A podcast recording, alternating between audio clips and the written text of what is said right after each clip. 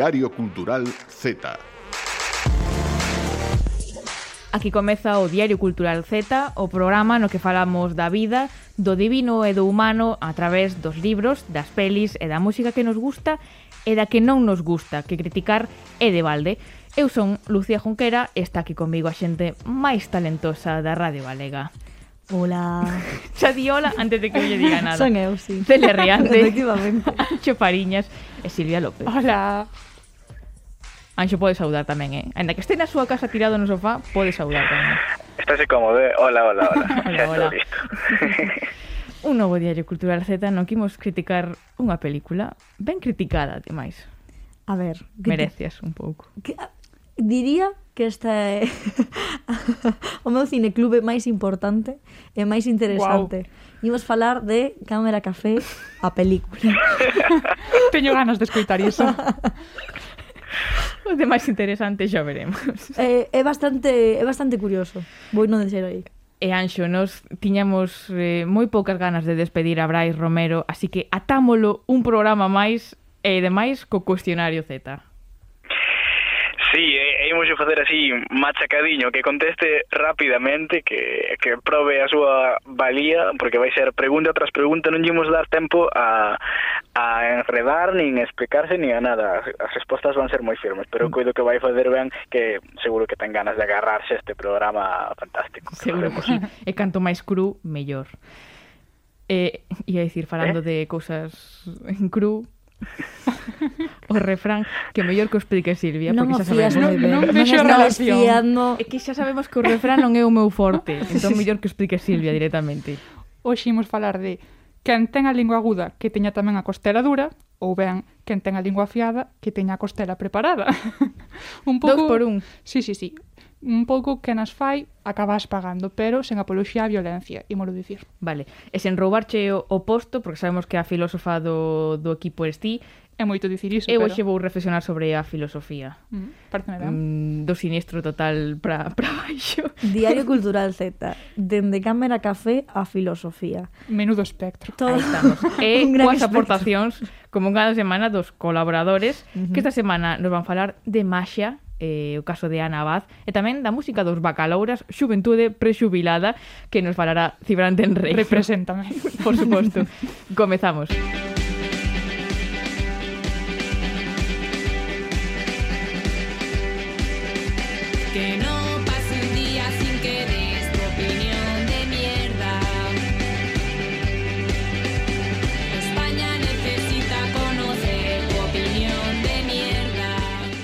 no terreo da educación hai un debate cíclico que pon en cuestión todas e cada unha das novas leis educativas. Que facemos coa filosofía? A última polémica ven da suposta eliminación desta disciplina na educación secundaria obrigatoria. Desaparece a filosofía dos institutos? Sí, pero non. Cantas preguntas e cantas dúbidas. Onde imos a topar respostas? Música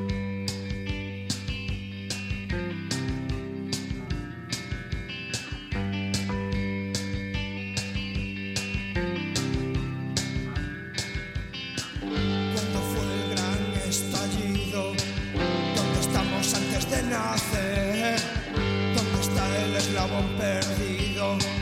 ¿Dónde vamos después de morir? Preguntas, preguntas, moitas preguntas e probablemente poucas respostas. Iso nos ofrece a filosofía.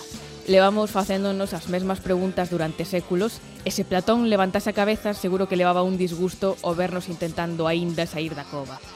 Os misterios do mundo seguen sen resolverse. Probablemente nunca saibamos de onde vimos, se estamos sós no universo, pero iso non vai facer que deixemos de facernos esas preguntas. Eu recordo as miñas primeiras clases de filosofía en primeiro de bacharelato, pero antes as de ética ou antes incluso as de religión. Aquí, con moitos matices, entre moitas aspas, pero unha clase de religión ben executada pode axudarnos a poñer palabras a moitas incertezas. Eu son atea non vou dicir que agora creo, pero sí que durante a miña infancia busquei na religión algunhas respostas. Que me perdoen Galileo e Darwin, que non foron xulgados para que eu agora veña dicir que Deus creou o mundo en sete días. A cuestión é que a ensinanza necesita de materias que faciliten que os rapaces e rapazas pensen e reflexionen. Entón, que pasa coa filosofía nos institutos? Ata agora existía unha materia optativa de filosofía en cuarto da ESO que coa nova lei desaparece e queda en mans das autonomías a súa inclusión. O cambio máis positivo sería a súa obrigatoriedade en segundo de bacharelato. Non nos imos poñer a repasar o currículum, pero sempre é bo momento para falar de filosofía. Música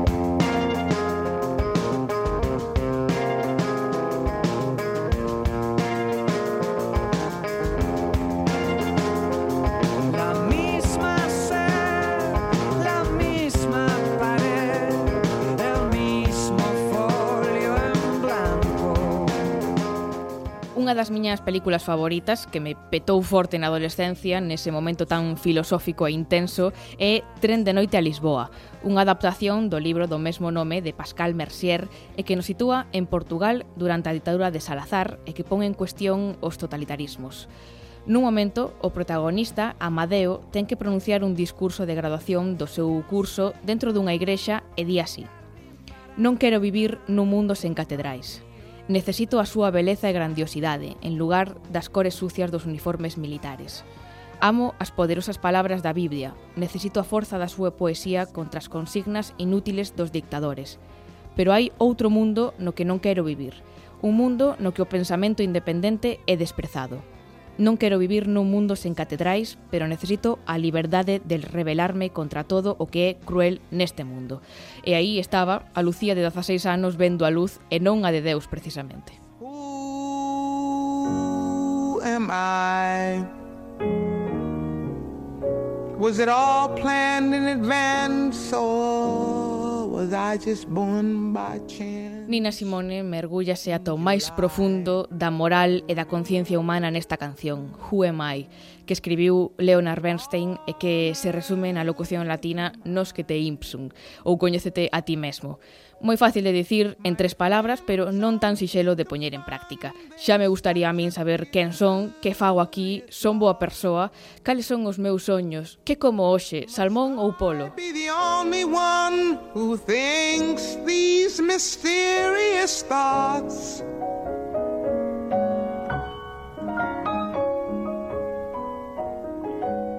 as mesmas preguntas que nun universo musical paralelo se facían siniestro total en quiénes somos, de onde venimos, a onde vamos.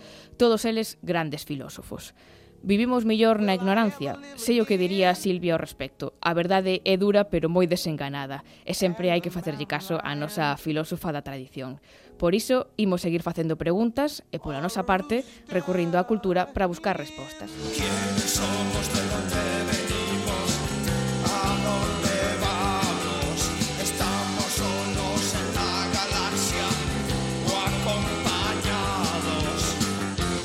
existe un más allá. Y si hay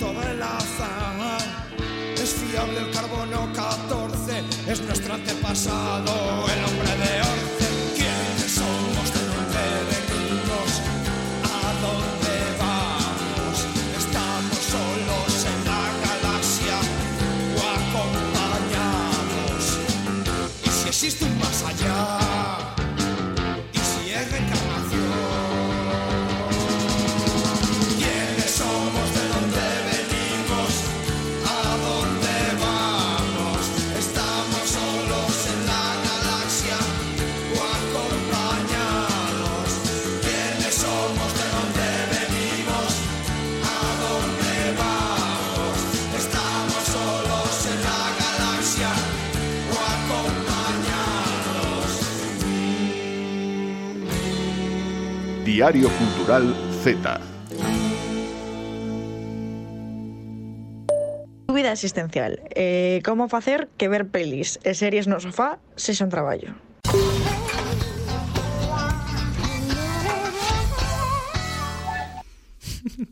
Entre Celia e o jingle este, que aprendín que é un jingle, jingle. estáme entrando unhas ganas de tomar un capuchino da velá da máquina esta do café que temos aquí na radio podíamos facer un, un cámara Café da Radio Galega. Sería Estaría graciosísimo. Sería graciosísimo. Verío sen dúbida ninguna. É que a xente que se agrupa na máquina de café ás 8 da mañá, hai unhas tertulias aí. A calquera aí. hora. Sí, pero non, a calquera hora non, porque, é especial. porque aínda non abriu cafetería. Entón a xente claro. que tirar de As nove, a xente que, ben que, visto.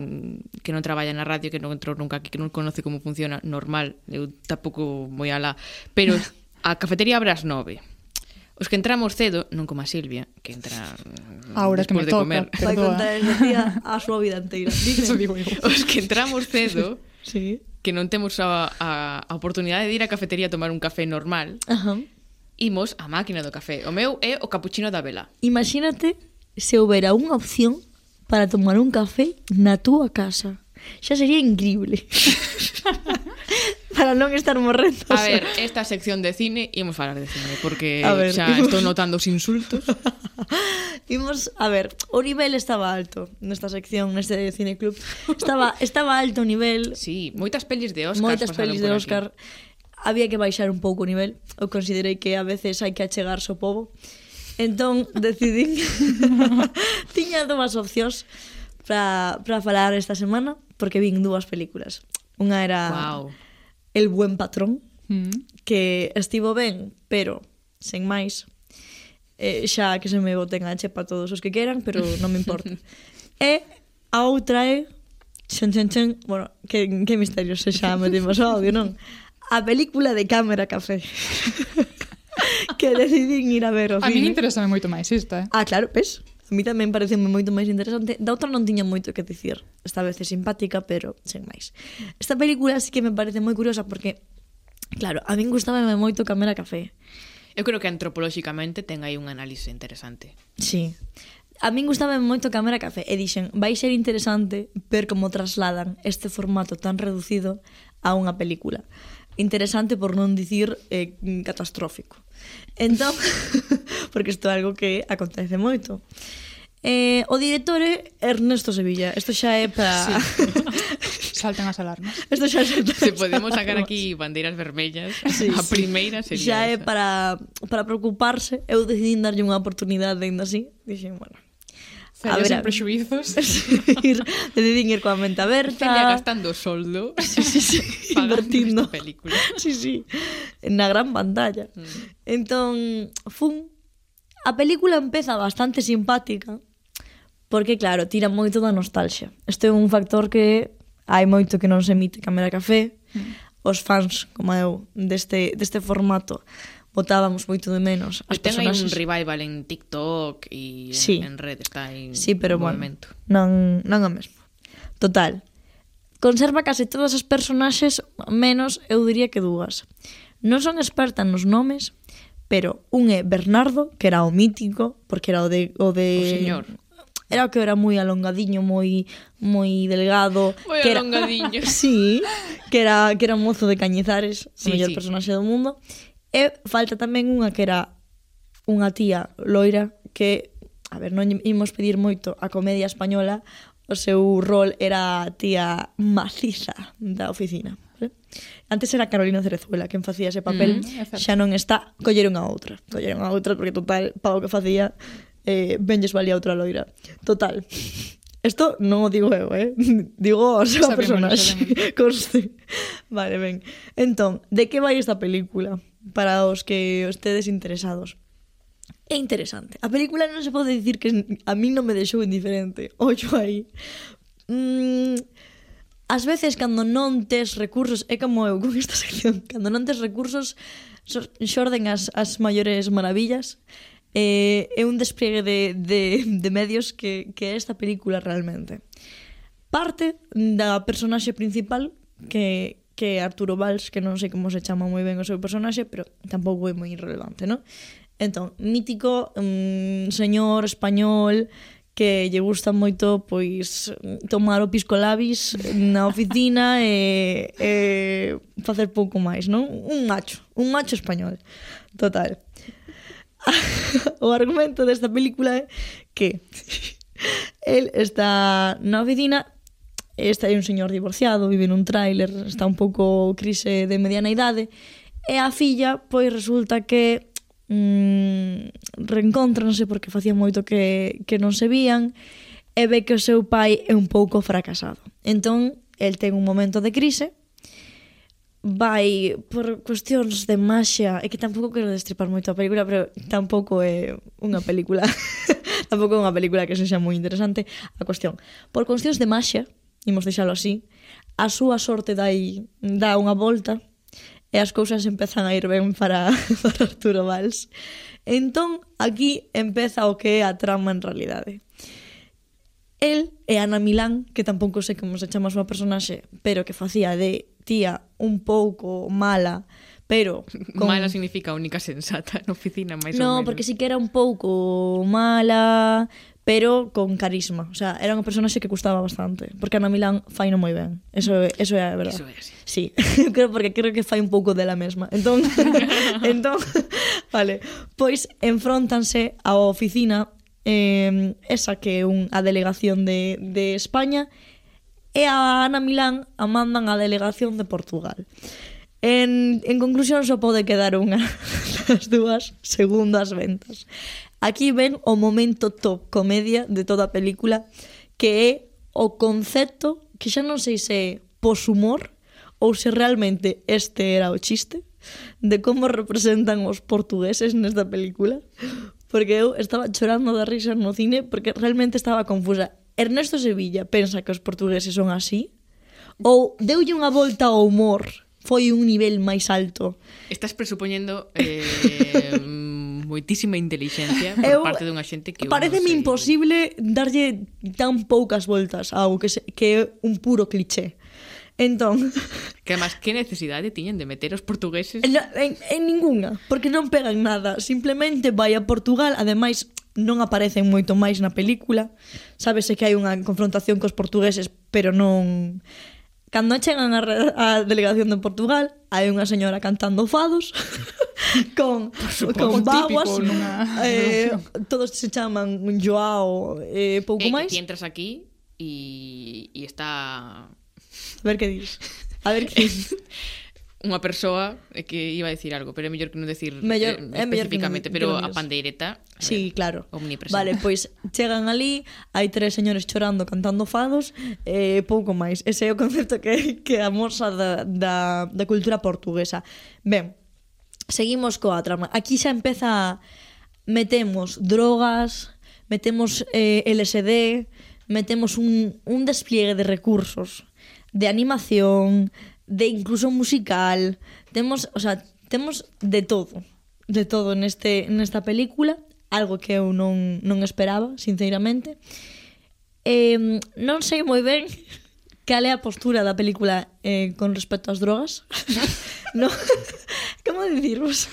É que, ves, eu non pensaba que tiña que tivera que debatir isto sobre a película a de Cámara Café.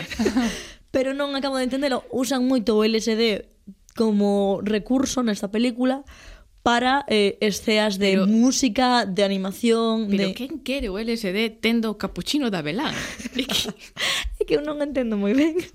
Eu gustaríame que trouxéramos aquí a Ernesto Sevilla para debatir un pouco do Pouco guión. pides. do guión desta película. A min fascíname é unha escalada de, de, de sucesos cando xa pensas que non pode pasar nada máis e xa desconectas un pouco da película hai unha competición épica ao final da peli entre a, a, a delegación de, de Portugal e a de España na que xa aparece Ibai como, como cameo sorpresa Isto xa é, bueno, graciosísimo porque son moitos recursos. Poñen tamén unha señora maior que é cantante. Eh, quero entender que esta señora é mítica. Que pasa? Que igual noutra xeración. Señora maior que é Karina. Karina, Karina. Claro, Celia. sí. Quero entender que é mítica. Eu non, non a coñezo. Pues perdón, ben, sí. perdón, Silvia. Eu non a coñecía. Igual aquí coa xeración Z, quero dicir, non, non conectan moito. A ver, xeración Z sí, pero Karina... Eh, eh, pff, non foi no... Eurovisión Buscando en el baúl de los recuerdos Vale, esa sí A vale. que canta non é esa Entón eu non recoñecín, vale Meten a Karina tamén como cameo sorpresa Non non ten moita lógica o que son as esceas finais E en conclusión, imos sacar unha conclusión, porque esta película ten unha conclusión. Que ten unha, eu, ti unha conclusión e eu logo teño unha pregunta. Vale, eh, resulta que a maxia que deu a volta a sorte desta, desta oficina non era maxia, era todo un efecto placebo. E Arturo Valls simplemente empezou a confiar en sí mesmo e por eso cambiaron as cousas. Por certo, wow. antes de Duas antes preguntas. de, vale, antes de que fagas outra pregunta, faime moita gracia un momento no que teñen que aumentar as vendas. E ao principio obriga moitísimo a traballar a xente, presionas, non lle deixa facer descanso tal. E logo ven que España non funciona así. E deciden dar un cambio na estrategia e que cada un eh, pois, se tome a jornada laboral con calma e valles moito mellor. Isto non, non sei se se lle pode propoñer a, a Radio Galega, eu deixo a idea, a idea na, na mesa. Dime. A miña pregunta. Sí. Onde está a máquina do café? A máquina do café aparece moi pouco para, para o que ven sendo cámara café. Esencia. Empeza coa cámara, o sea, coa, coa máquina de café, perdón. Que ten unha cámara dentro. Sí, hai outro, hai outro, hai outro. Indignante. A Bernardo, Bernardo está morto. Eu non sei por qué. Bernardo está morto e Cañizares aparece toda a película cun, cun, cun bote que imagino que ten as cinzas coa cara de Bernardo. Vale. E Bernardo fala dende a morte. E son moitos recursos os que usa esta, esta película que son moitas cousas que dixerir para o que eu pensaba que ia ser a película. Sí. Vale? Eu creo que imos, imos ir parando porque isto podemos estar sí, sí, media hora aquí. Eu podería facer disto. tres cineclubes desta película, é increíble. No, ímolo deixar nun. Porque Fred é sorprendente, non? Porque eu vou ver unha peli dos Oscar e non me dá para tanto como esta película que realmente me fixo pensar. eh, nada, mm, Ernesto Sevilla unha mente superior. Unha mente superior. Tamén digo, vou facer daqui unha crítica non quero atacar a ninguén e non quero atacar a Ernesto Sevilla persoalmente, pero creo que hai moitísima xente neste país con ideas fantásticas para facer filmes eh, que non reciben ningún tipo de subvención nin fondos para facer esas, esas ideas. E logo estamos mm, apoiando a 55 películas porque tamén vin os trailers que viñan antes desta película e as que anunciaban próximamente en Cine España non eran moito mellores. Así que igual hai que darlle unha voltiña. Sempre reivindicativa. É que é moi profunda esta sección. Grazas. Queréis en café, Punto. pero Nada xa está. un placer Diario Cultural Z.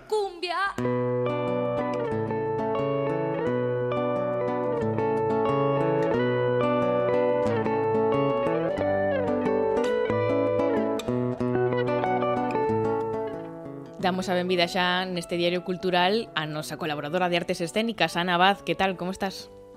Hola, Lucía, todo ben? Ti que tal? Moi ben. Que nos traes hoxe? Pois hoxe volvemos traer algo diferente. Mm. Eh, quería preguntarche antes de nada se a ti che gusta a maxia. Encántame. A verdade é que é un, unha cousa que teño un pouco aí frustrada, porque eu creo que de pequena quería ser maga, pero dábaseme sí. moi mal, moi mal.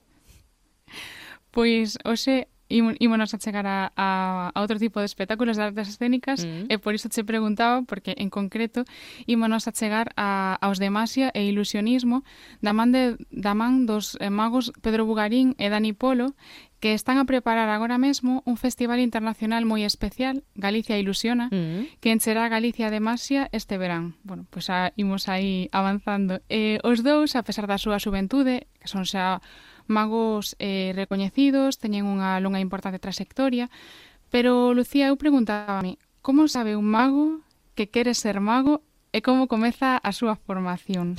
Un pouco claro. tamén o que falabas, onde, non? De que hai, onde hai estudia xente, un non? mago? Sí, es, hai escolas de magos, non hai escolas de magos, un pouco que dicías, non? De que hai xente con mellor de, de nenos e de nenas, pois pues, teñen esa ese gusto non por uh -huh. e non sabe moi ben pois como como continuar, entón pois pedinlles que nos falasen un pouco dos seus inicios e Pedro fálanos como comezou el no mundo da Masia. A verdade é que eu comecei eh, no mundo da maxia eh, fai, bueno, xa moitos anos. Teño 30 agora e comezaría cuns 5 ou 6 anos, máis ou menos, e foi todo grazas ao meu pai. Eh, o meu pai sempre foi aficionado á maxia, sempre na súa casa sempre tiña libros de maxia, preocupábase pois, de ensayar moitos xogos, de practicalos, e a min a raíz de aí pois veme un pouco a afición de el me enseñaba, me amusaba milagres que sucedían nas súas mans con moedas, con cartas, con mondadentes, con bueno, con multitude de cousas. Gracias a iso eh, comecei a aficionarme no mundo da maxia, pouco a pouco pois fun adquirindo pois libros, eh, formándome un pouco máis, investigando, ata que, bueno, un día decidín actuar, atuei diante de toda a miña familia e lles gustou. Pouco a pouco eh, seguín actuando e eh, a iso dos, bueno, 17, 18 anos comecei a facer actuacións fora da familia e eh, cobrando. Descubrín que había alguén que pagaba por facer o que a mí me gustaba. E dende entón, pois, bueno, eh, non deixe de facelo. Sempre hai xente... que se pode facer. Sí, sempre sí. hai xente disposta a pagar polo talento, a verdade. Sí, sí. E que se poden facer tamén pois eh, trucos, como dicía, pois con moitísimas cousas, non? E, e como pois el foi foi aprendendo. E, e Dani, que agora mm. ten 24 anos, pois tamén descubriu de cativo a súa paixón pola masia, igual que, que Pedro, e tivo tamén a oportunidade de acudir a unha escola de masia. Eu comecei na maxia cando tiña pois oito aniños, grazas a que por un Nadal, pois os Reis Magos trouxeronme unha caixa de maxia borrás, que é este típico xogo que todos os cativos teñen, pero que a gran maioría pois deixan aparcado nun, nun estante, nun armario. A min encantoume os segredos que guardaba aquela caixa, fun practicando un montón, e despois tiven a sorte de poder acudir durante tres anos a unha escola de maxia, en Lugo, onde continuei a miña formación e a partir de aí pois tamén acudindo a congresos, cursos, conferencias Despois a maxia xa pasou a ser algo pois máis profesional, un traballo para min, e tiven a sorte de poder actuar por, por case toda España, a diferentes puntos de Europa, e actualmente, pois nada, seguimos innovando e creando novos espectáculos. Eh, Lucía, ademais de, de todo o que fan pois eles eh, de maneira individual, mm. este ano eh, Pedro e Dani decidiron sumar as súas forzas para organizar e producir un ambicioso Festival Internacional Galicia Ilusiona, nun momento en que a xente pois, precisa máis que nunca da ilusión pois e da sí. Este proxecto Galicia Ilusiona non pois xurdiu grazas a que nos demos de conta tanto Pedro como a min como que estábamos nun ano máxico, non? Por, por varias cousas. Por un, por un lado, por ser o ano Santo Xacobeo 2022, que é un ano máxico, e tamén, lóxicamente, porque era un pouquiño pois, o ano da recuperación, non? Este ano que despois de toda a pandemia, pois, pois pensamos que a xente ten máis ganas e necesidade de ilusionarse ca nunca e a maxia pois é perfecta para para iso. Entón comezamos a darlle voltas eh, a como poderíamos pois facer un festival de maxia que chegase a todas as zonas de Galicia, a todas as cidades, a todos os públicos e pensamos neste formato que ten diferentes actividades a maioría, a gran maioría son actividades gratuitas, non nos esquecemos de ninguén, eh, maxia para nenos, maxia en hospitais, galas internacionais para todos os públicos, Entón, pois pensamos que é unha combinación perfecta, como, como digo, para poder chegar a todos os públicos por toda a comunidade e, e levar a maxia a cada rincón neste ano que, como, como te dicía, pois é un ano que, que sen dúbida é máxico. E este festival que, que dicía non que é ambicioso, non? Porque É un festival que conta co apoio do Sacobeo e que vai mm. ter unha programación ampla e continuada no tempo, xa que vai durar dous meses e medio. Mm. Durante os cales, pois se van a concentrar máis de 200 actividades en numerosos puntos da, da xeografía galega, porque o que queren é achegar a maxia o maior número de persoas posibles. Mm, gustaba Pouco... miso Gustame iso que, que dicía, non? De levar a Masha a todos os rincóns de, de Galicia neste ano que tamén, pois que tan importante, non? Que a Masha chegue a todas partes. Sí, sí, eh, non concentralo, pois o mellor en espectáculos puntuais, senón que, que iso que poda estar nas rúas, que poda estar mm. nas prazas, que poida chegar aos hospitais e que vai a chegar a, a, a moitos sitios e, e que moita xente, pois eh, nenos e nenas, non? Pois que tamén teñan esa vontade, non? De, de facer máis e ou de mm. facer ilusionismo, pois que, que poidan disfrutar, non? De, Maravilla. de todos estes trucos E Pedro, contanos un pouco así, resumindo, porque é moi amplo o programa, pero o tipo de actividades das que poderemos gozar este verán e comezo do outono. Pois o Festival Mundial de Maxia Galicia Ilusiona, que terá lugar dende o 1 de agosto ata o 15 de outubro deste ano, é dicir, terá dous meses e medio de duración, e se levará a cabo ao longo do todo o territorio galego. Eh, estaremos en máis de 100 concellos, faremos máis de 220 actuacións, Teremos tamén uns, uns, eh, unha serie de eventos específicos e eh, eh, característicos do festival, como serán sete desafíos extremos, onde un mago intentará liberarse de ataduras, de tanques de auga, de fornos a 300 grados en emplazamentos públicos de, todo, de toda Galicia. Tamén teremos pois actuacións de maxia na rúa, mm, máis de 100 concellos que participarán neste, nestes espectáculos de maxia Teremos máis en hospitais, onde intentaremos levar o festival o, as unidades de pediatría onde os rapaces e as rapazas que ali están pois igual non poden acudir a, as actuacións do festival, pois o festival acude a, a eles. E tamén faremos sete galas internacionais de maxia. E nesas galas internacionais das que falaba agora Pedro que se celebrarán en Lugo, na Coruña, Ferrol, Ourense, Pontevedra, Vigo e Santiago de Compostela, participarán magas e magos de diferentes partes do mundo. E Pedro vai nos adiantando xa as datas para que vayamos pois, eh, reservándoas. Mm. Virán aquí a Galicia durante eses meses os mellores magos do mundo, os mellores magos, os máis premiados, e estarán dentro dunha gran gala internacional de maxia que se desenvolverá o 3 de setembro en Lugo o 10 de setembro en Coruña, 17 de setembro tamén en Ferrol, 24 de setembro en Pontevedra, 1 de outubro en Ourense, 9 de outubro en Vigo e 15 de outubro en Santiago. É dicir, recorreremos as sete grandes cidades de Galicia para levar a, a máis internacional a, a todos estes puntos. Que maravilla, cantas datas, cantas cidades distintas que vai percorrer este Galicia Ilusiona eh, para, para poder seguir todas as novidades alrededor deste, deste festival, pois podemos facelo a través da, da súa web galiciailusiona.es e tamén, claro, nas redes sociais, en, en Facebook e en Instagram, onde están aí Pedro e, e Dani ampliando a información de, de todo o programa para darle tamén pois mm, emoción e maxia, non non Ana.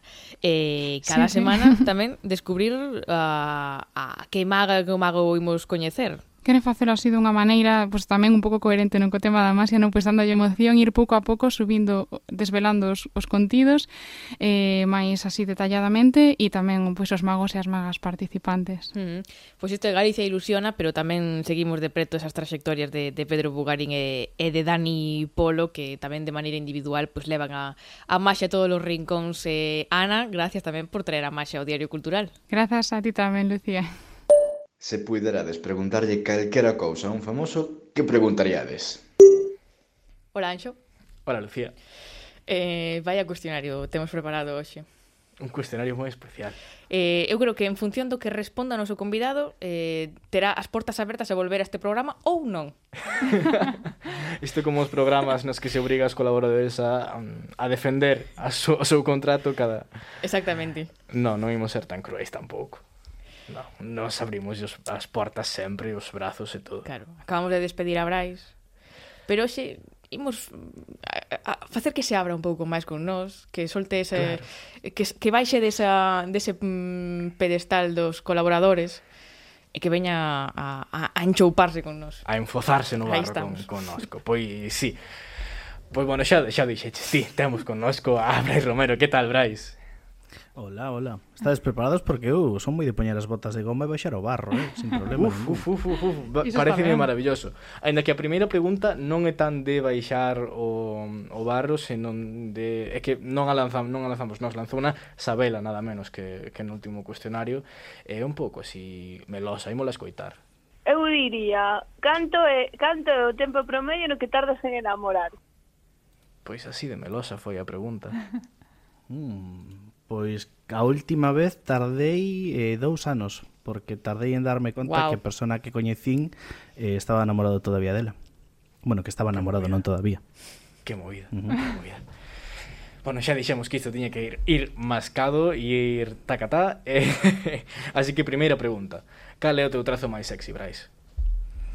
O meu trazo máis sexy, creo que é o sentido do humor, porque aínda o meu trazo máis característico é a curva da miña barriga, pero direi que sexy humor, non? e a que lugar levarías a unha primeira cita para impresionala? Pois mira, vou a contar a quen levei a segunda cita a miña parella, que foi aos mestre Mateo. Wow. Se tirar moi alto. Queríades salsa e traivos aquí. Supera iso. Mi madriña tres imprescindibles no starter kit dun comunicador cultural. Unha grabadora, unha libreta preferiblemente que non teña cuadrícula ni líneas que sexa branca e un boli big. Mm. Ollo aí. Ollo. Eu tamén son de libretas brancas, sen, sen pauta. Eu tamén os prefiro, sí. Xente analóxica, que pouco zetas sodes. Certo, eh, tamén. Guilty pleasure, placer culpable. Eh, a Fórmula 1. o pero, gui pero guilty. Eh, pero Fórmula sí, 1 aloncista realmente... de Hamilton. No, no, no, no, no. Son eh, a min gustame Lando Norris, o piloto británico. E vale. Guilty Pressure porque vamos a ver contamina unha verdadeira bar barbaridade, Iso o sea. E, e a última en dá tivo a súa a súa intríngulis. Em, cal foi o teu primeiro crash famoso? O meu primeiro crash famoso eh, boa, teria que facer moita memoria. Supoño que sería alguén do, do club Megatrix. Non, sirve Superstar, claro. claro, por suposto. Non sei quen é. Eu tampouco, pero xa faremos investigación. É que, é que Brais vai bello xa. Totalmente. Que non queres que saiba nunca túa nai de ti? Mm... Que ás veces eu tampouco sei que estou facendo coa miña vida. Pásanos. Tristes. En que comunicador galego non te queres converter nunca teu antirreferente? Eh, por favor, non digas ningún de nosos tres. mm, mm, mm, Boa En quen non me quero convertir nunca Exacto. eh, En Roberto Vilar Ben, temos chicha por fin, que alegría, me acabas de dar, Brais, estou casi chorando de emoción. Ai, Cal é o maior ridículo que cometiches na túa vida? O maior ridículo que convertín na miña... Mm, mm. É que son moi de facer o ridículo, pero estou bastante orgulloso de cando fago o ridículo. entón, de que me dera vergoña... Hai que saber eh... facelo, eh? eh mm. Supoño que estas veces pola rúa na que te equivocas de dirección e no medio da rúa tes que xirarte e ninguén, ninguén está prestando atención para ti, pero, pero para ser verdade moitísima sí. vergoña.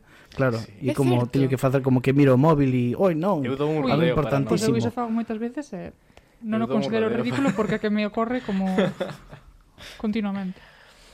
Que estarías disposto a facer por un contrato que che asegure que te vas forrar do que che, facendo que che dé a gana con respecto ao traballo, mm, pero durante esta vida 12 máis? Xa cho digo eu, deixar o Z.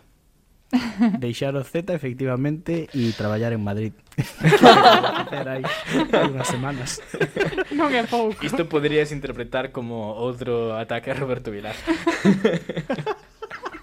bueno, habría que darme un ano, non, para ver que pasa. mm, vale, eh, se tiveses que crear nunha teoría conspiranoica, cal sería? A de que mm, Justin Trudeau, o presidente de Canadá, é fillo de Fidel Castro. Pareceme Encántame, increíble. adoro. Pareceme increíble. Que moda dos 2000 trerías de volta? Eh, as boy band, pero as boy band boas.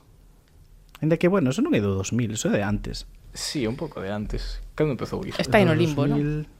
Entre os 90 e os 2000. Sí.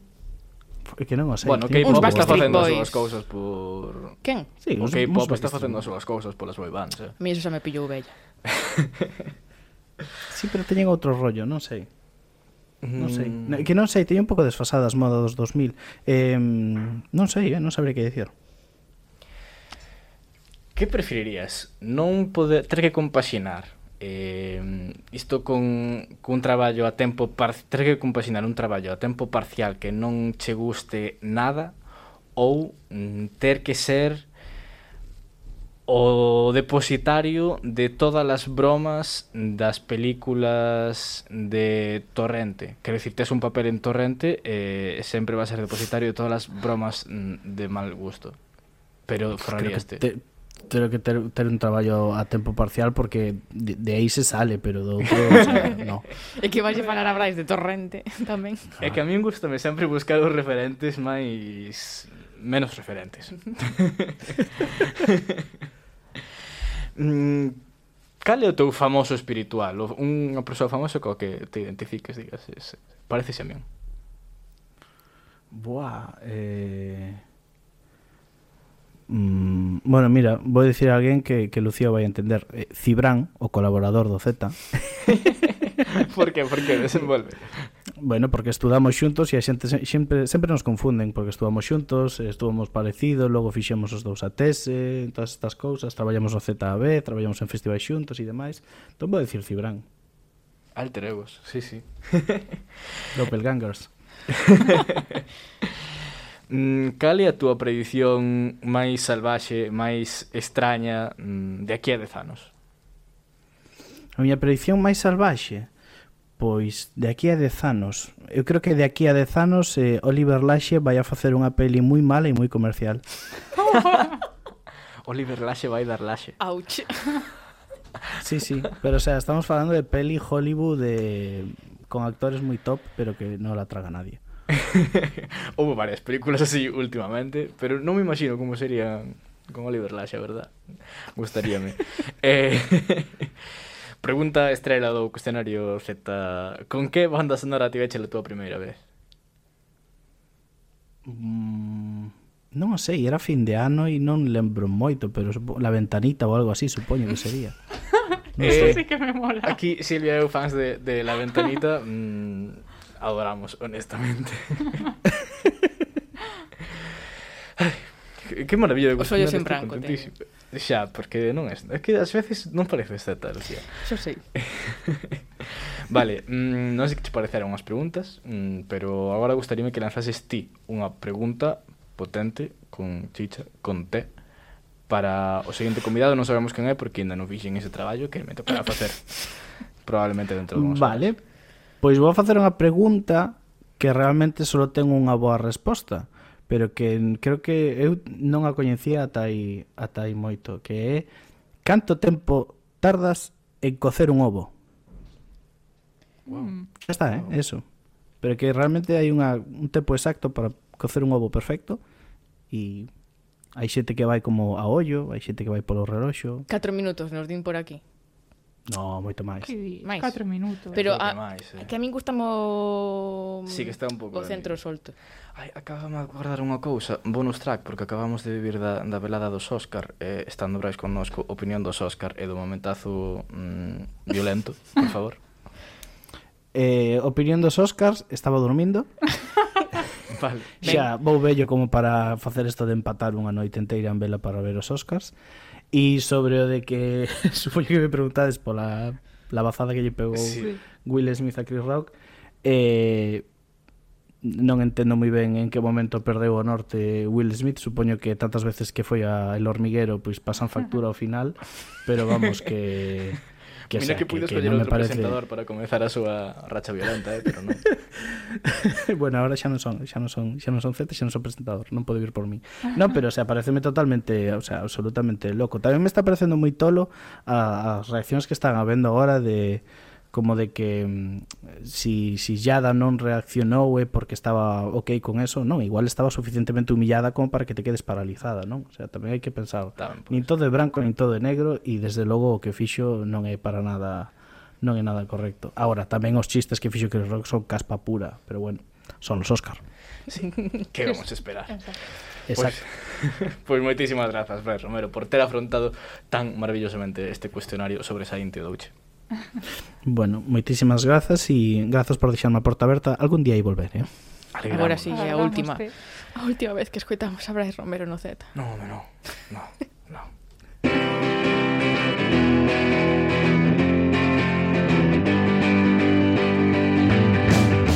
A ver, vos, que vos credes moi modernos. Iso xa o dicíamos vosos avós hai 60 anos. Estou mirando aquí agora e a verdad que faz? Que foi Non teño eso? palabras para Lucía. Eu intento sempre abrir as seccións dunha maneira super original. É unha pena que non... Entón estaba mirando agora se teño a lingua dura ou non. É que é unha que pena pode... que non estamos no estudio 5 para que vexades o circo que acaba está, de facer coa lingua. Onde está o estudio multimedia cando se necesita? Sí. Case mellor que non, que non estea. Mellor así. Ti que opinas? Teño a lingua dura ou non? É que nin sequera é a lingua. O sea, vamos a... o refrán que non se malinterprete. Ah, non é a lingua. Que... é que non podo. Quen ten a lingua aguda... Aguda. ten que ter a costela dura que parvo. Ou tamén, quen ten a lingua afiada ten que ter a costela preparada. Iso é, liaxeste un pouco, Lucía, pero, pero está ben. Ningunha novidade. eh, moi ben. Verdade. Bueno, iso, quen ten Deixe a lingua aguda ten que ter tamén a costela dura, pero sen que isto sirva de xustificación en ningún caso a lavazada de Will Smith nos Oscar. Iso, iso. Que aí hai moito de machito que eh, eh. non nos mola, pero a verdade é que este refrán acaille ben. Ven a decir algo así como se estás moi áxil para falar mal de alguén, atente logo ás consecuencias que veñan de volta ou non te extrañes de que logo isto che devolvan de algunha maneira. Esa persoa en concreto ou a vida, vaya, porque pasa. Pero, en fin, en calquera caso... Como Ernesto Sevilla con Celia, está, está pendente aí. Pero sen apoloxía das lavazadas, que quede claro. nunca, nunca. Fingámonos ao que di o refrán de xeito máis literal, porque fala deses perigos e das consecuencias que poden virnos cando temos a lingua afiada, cando a usamos para facer mal, para facer mal o resto, e a que certamente moitas veces as palabras son como coitelos, unhas veces máis necesarias usadas como tal, outras menos, pero sono. Si fuera verdad que las palabras matan, armaría todos mis ataques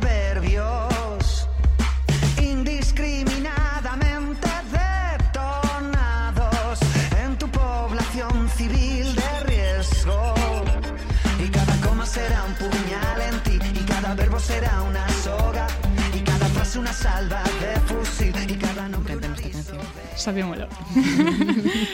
Palabras como apuñais.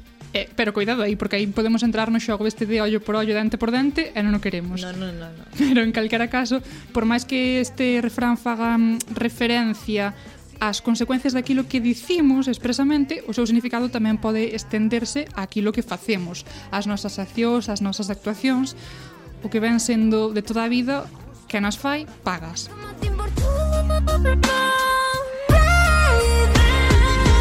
Oh, oh, ¿Qué fue que pasó? Oh, oh, entre nosotros dos, oh, oh, algo se rompió, oh.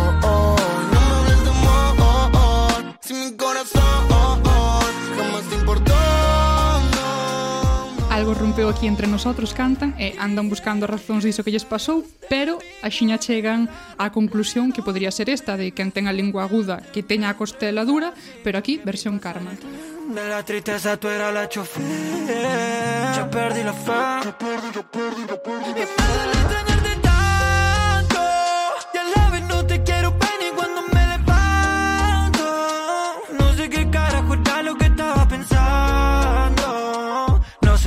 Siempre me equivoco en lo que elijo. Debí hacerle caso al que dijo.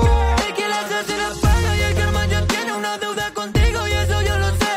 Que te ganas de verme perdido. No tiene sentido intentar otra vez. No me repitas. A canción, por certo, chamase Entre Nosotros e é de Tiago PZK, supoño que sería así, non o teño claro, Litkila, e un remix con María Becerra e Nicky Nicole. Pero hai moitísimas referencias na música a isto de fixéchelo, pois agora mm, fastidias, te tes que aturar as consecuencias, é o que che toca. Si, un pouco de rencor tamén. Se non o pensaches antes de decir ou de facer, pois, amigo, ora tocache aguantar. E isto tamén o di Omar Montes, o que pasa que a él non lle contaron este refrán. Un gran filósofo. Sí. non tiña este refrán en mente, entón el dio de outra maneira. Quen a fai rindo, paga chorando. Lo nuestro se rompió y rompí la foto. Mis me dicen que el corazón es roto, bebé. Todas las veces que fallaste me la noto. Llevaste todo lo malo y parece que te voto. ¿Qué quieres que haga? Que la hacía riendo, llorando la paga. Te he visto sufriendo, ya no siento nada. Te he visto riendo, fingiendo con tu pana, bebé. Bebé, ¿qué quieres que haga? El que la hace riendo, llorando la Pero non só na música topamos exemplos deste refrán, a mí viñeron na cabeza dúas series que eu creo que se lle axeitan ben. Por un lado, a de como defender a un asesino, porque que han visto esta serie, eu creo que sabe perfectamente que aquí a lingua aguda e afiada teñen nadabondo. A lingua e outras armas que mancan, que cortan e, e matan de verdade. Moito sí. Un, un sector, un grupo que, en fin Punto Pero sí, a lingua teñena afiada Ti cara que nos van facer falta Ai, espero que non teñen a lingua afiada entre os propios protagonistas, entre os propios compañeiros, traicionanse mutuamente en múltiples ocasións e acaba víndolles todo de volta, claro, unha e outra vez.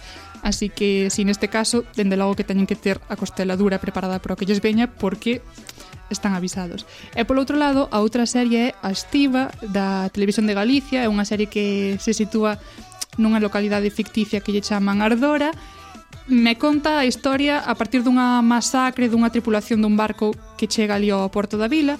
Entón, a partir dai, iniciase unha investigación que acaba enleándose e que descobre que hai unha actividade ilegal detrás Pero aquí raro.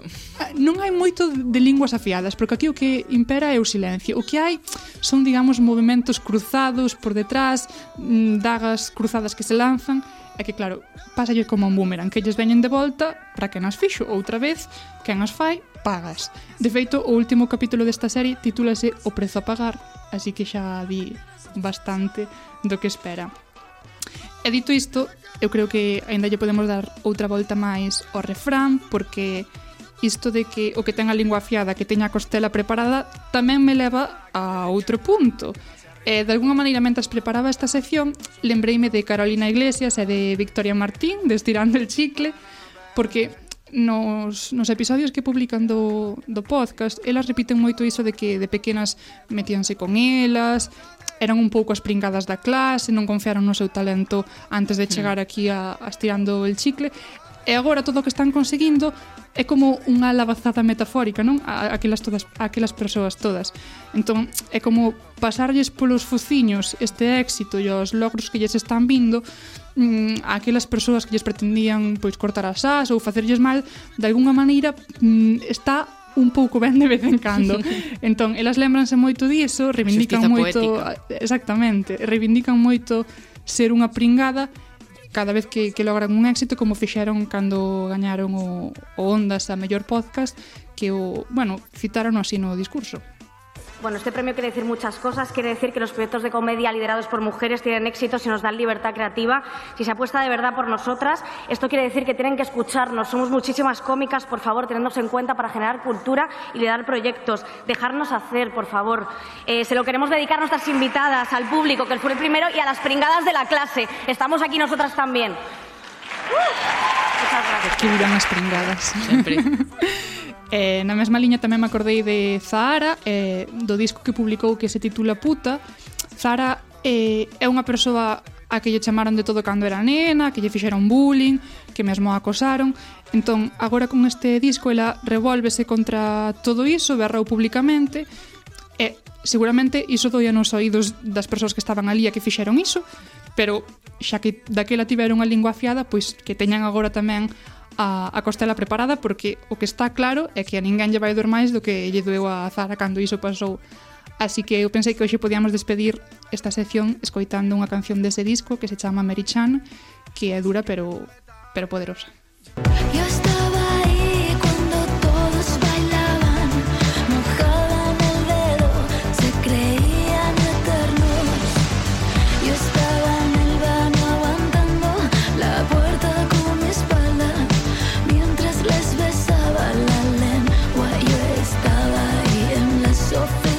Algúnha persoa que mm, botarlle nos fuciños o éxito do Z? Non, que non somos rencorosas. Mm, tranquilidade, facer as cousas ben. Prefiro non pronunciar. Grazas. Moi ben, pois pues quedamos con Zara. Grazas, Silvia. A vos.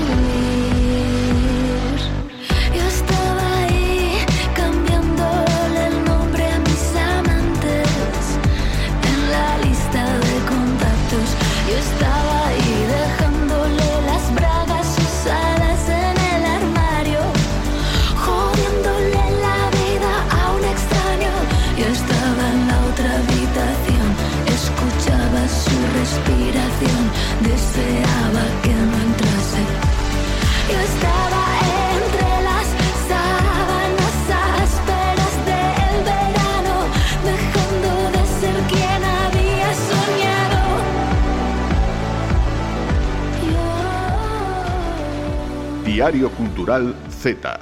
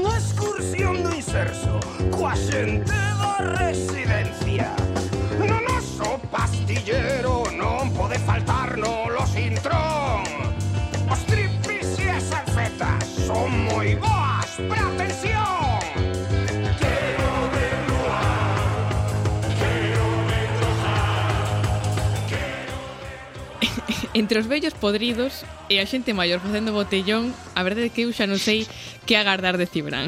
que tal, Cibran? nada, nada, é todo subliminal. Todo subliminal, sí, sí. Que, que nos traes hoxe? Porque xa non, eu estou perdidísima. Eh, bueno, a ver, pois hoxe traio para empezar unha pregunta, porque estamos aquí no Diario Cultural Z uh -huh. e a estas alturas supoño que igual xa se sabe que eu estou aquí infiltrado porque son un millennial, pero a ti que es máis nova, quería preguntarche ata cando pensas que unha persoa forma parte da xuventude? Que eu aos meus 24 eu xa teño un pé na xubilación ou gustaría metelo. Entón, eh, claro, eu creo que é mental, máis que de idade, pero pode estar aí, nos a partir dos 25 xa vas cara abaixo. bueno, pois disfruta o que che queda. Eh, eu Uns nada, meses. preguntábache Preguntabache ao fío do disco que sacaron recentemente os Bacalouras que se titula Xuventude Prexubilada e que ten cancións como esta Xente Maior Facendo Botellón que estamos escoitando. No? Entón, ao escoitar esa mestura entre as cousas que asociamos á xente maior como berluar ou ir a viaxes do inserso con outras que asociamos máis á xente nova como drogarse en Ortigueira pois fíxome pensar en como cada xeración vai un pouco inventando a súa maneira de facerse bella como pode non? igual está aí o que decías ti de que é máis unha cousa mental eh, de actitude non sei, outro día entrevistei aos Bacalouras antes do seu concerto na Salamún de Santiago e pareceume que para o público do Z sería interesante preguntarlles de onde saíra este concepto seu Bueno, eu penso que o concepto de xuventude presubilada saiu un pouco de casualidade, non? Porque estábamos pensando que, di, que nome poñerlle o disco. O disco xa tiñamos idea de, de hai tempo, levábamos o tempo grabando e chegou un momento que dixemos como lle chamamos e non tiñamos moita moita idea e empezamos a sugerir nomes, nomes un tras doutro, moitos nos facían moita gracia, pero Xuventude Presubilada, ao final tivo algo, non sei que o que tivo, que, que nos chamou máis e ao fin ao cabo paras a pensalo e un disco que fala un ten bastantes temas que falan de que xa vamos vellos, da, da morte, entón, bueno, vai, venlle ben, e ademais dámonos conta de que xa non somos os mismos de antes, entón somos bastante xuventude presubilada. Eh, fixemos un Excel en cal poníamos os temas e votábamos. Entón, había unha casilla que era un 4, non? Unha que era un 3, un 2 e un 1. Entón, votábamos E había cantos temas había, bueno, había moitos ah, nomes, había como sí. igual 30 nomes ou 40 nomes. Entonces cada un chegaba a casa e votaba. Entón ao final pois Creo que, sí, non? Quedou sí, gañou, gañou ese. Había outras alternativas. Eh, penso que era o de Son Salvador de Teix. Son Salvador, sí, Salvador de Teix era. San Salvador de Teix é o patrón de Teix.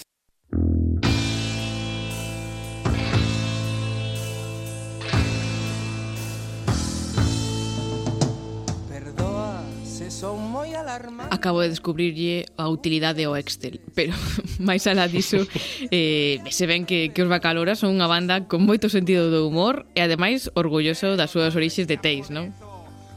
Pois sí, efectivamente eh, A min os Bacadouras pareceme un grupo moi carismático no? Que ten como unha chea de elementos que os distinguen bastante do resto de cousas que poden escoitarse a día de hoxe ou co que, cos que máis me atopo eu non? O factor de ser de Teis é un Porque, mm. bueno, en moitas das súas imaxes nos concertos ves un cartel que pon Alcaldía de Teis E o seu universo ten moito que ver con esa parroquia de Vigo Que nun tempo foi concello por si sí mesma E con toda a zona, non? Pois aparecen os seus temas a rivalidade con Coia a conexión da Praia de Samil con Portugal, aparece a Citroën, o Berbés, non sei. Eh, no musical tamén hai unha mestura de elementos bastante insólita e que para min ten moita imaginación a nivel sonoro. Non? Hai enerxía así actitud do punk, pero hai elementos heavy tamén, por exemplo, nas baterías, hai cousas de surf e rock and roll sesenteiro moi elegantes, un punto progresivo ás veces, hai unha influencia do bravú, e a cuestión do humor que dicías pois pasa un pouco por riba de todo, pero ás veces tamén hai elementos con certa escuridade en temas como Tírate da ponte de Rande ou este Hai que ir morrendo.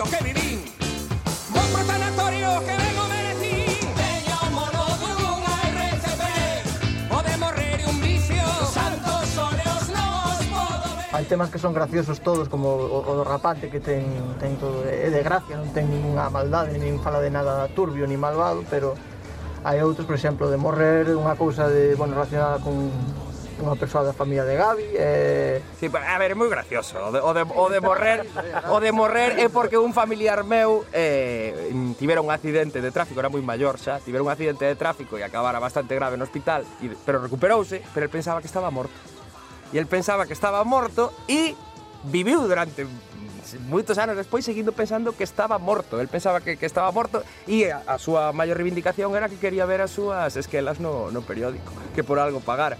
Entón, pues, a ver, eu penso que porque o humor negro mola, o humor negro nos mola. Xa non temos o mesmo humor que, que, non, que noutros discos e o humor negro ten algo ten algo especial é algo que nos hai. No, son, son temas que ademais claro. teñen teñen bastante tempo. Todos é, é, é bastante curioso de feito que claro, son todo cousas que estaban feitas xa desde antes da pandemia e de todo e que en todo este contexto de agora como que collen un peso moi distinto ao que eh, cando foron creados os temas Fumos que... proféticos, entón. sí, pode ser, non? Que, que horror. Que horror.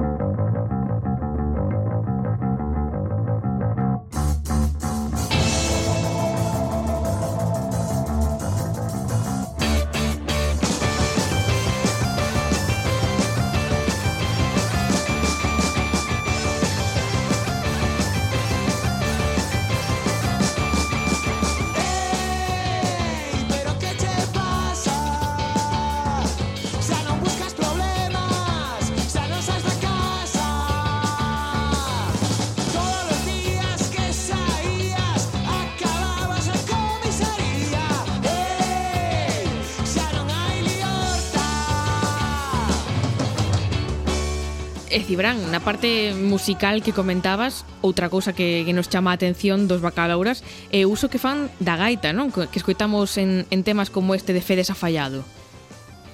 Eh, sí, sí, eu teño a sensación que, bueno, igual non é así, eso é a miña perspectiva, non? Mm. Pero de que a gaita é un instrumento en Galicia que divide bastante, non? Creo que hai xente a que o seu son xa emociona un pouco de por sí, non sei se si por connotacións patrióticas, non? E, eh, e outra que lle resulta irritante, porque ao final tamén é un instrumento moi agudo ás veces, non? E, eu, bueno, tampouco é por ser pouco patriota, pero normalmente estou máis preto de que me resulten irritantes, e no caso dos bacadouras non me sucede o mesmo, non teño a maneira clara de explicar por qué, pero pareceme que, bueno, que hai unha maneira interesante de entender o instrumento pola súa parte, pensando nas posibilidades que ten o seu timbre para un xénero como rock and roll.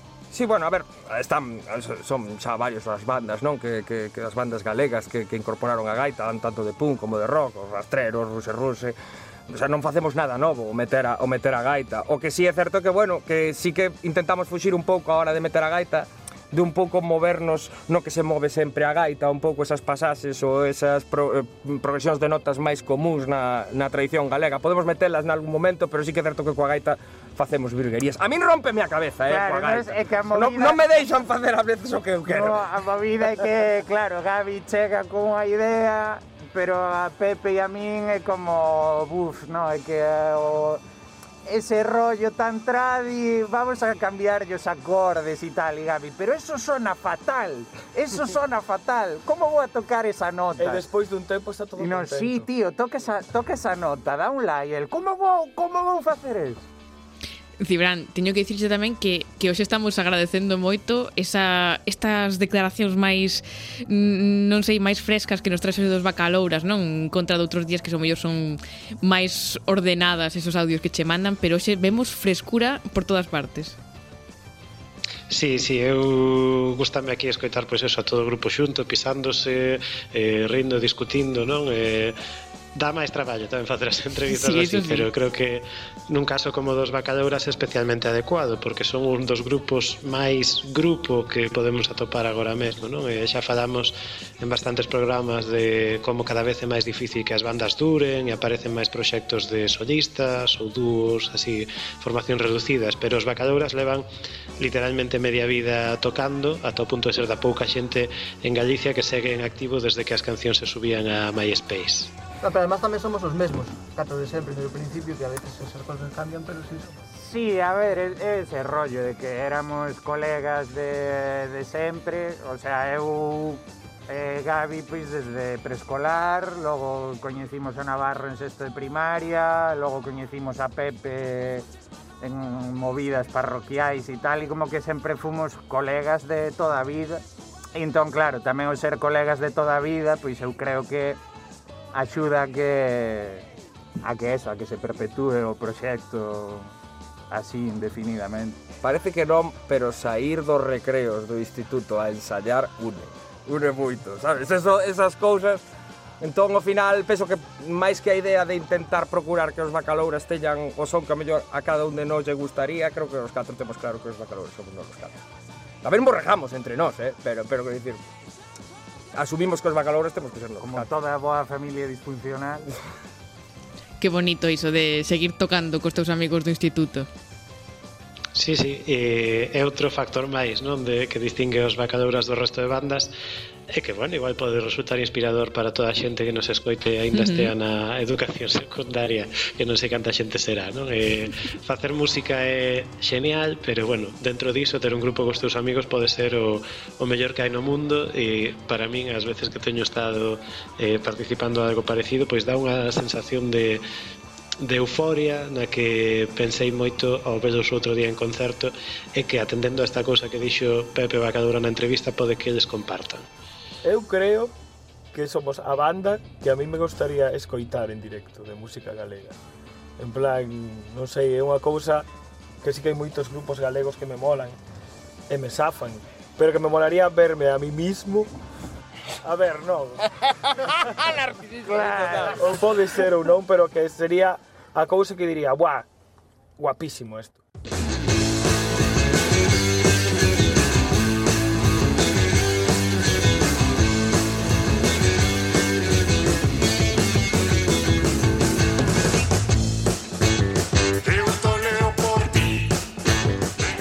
Moi ben, pois que maneira de rematar este Diario Cultural Z que falando de facerse vellos e da morte. Grazas, Cibran, pola parte que te toca. Home, hai que ser previsores. sí, hai que ir pensando que logo ven a, a, bueno. a, a, o de facerse maiores, non a morte, eh. Para iso imos, imos máis a modo. Eh, menos mal. Grazas, Cibran. A vos, chao, chao.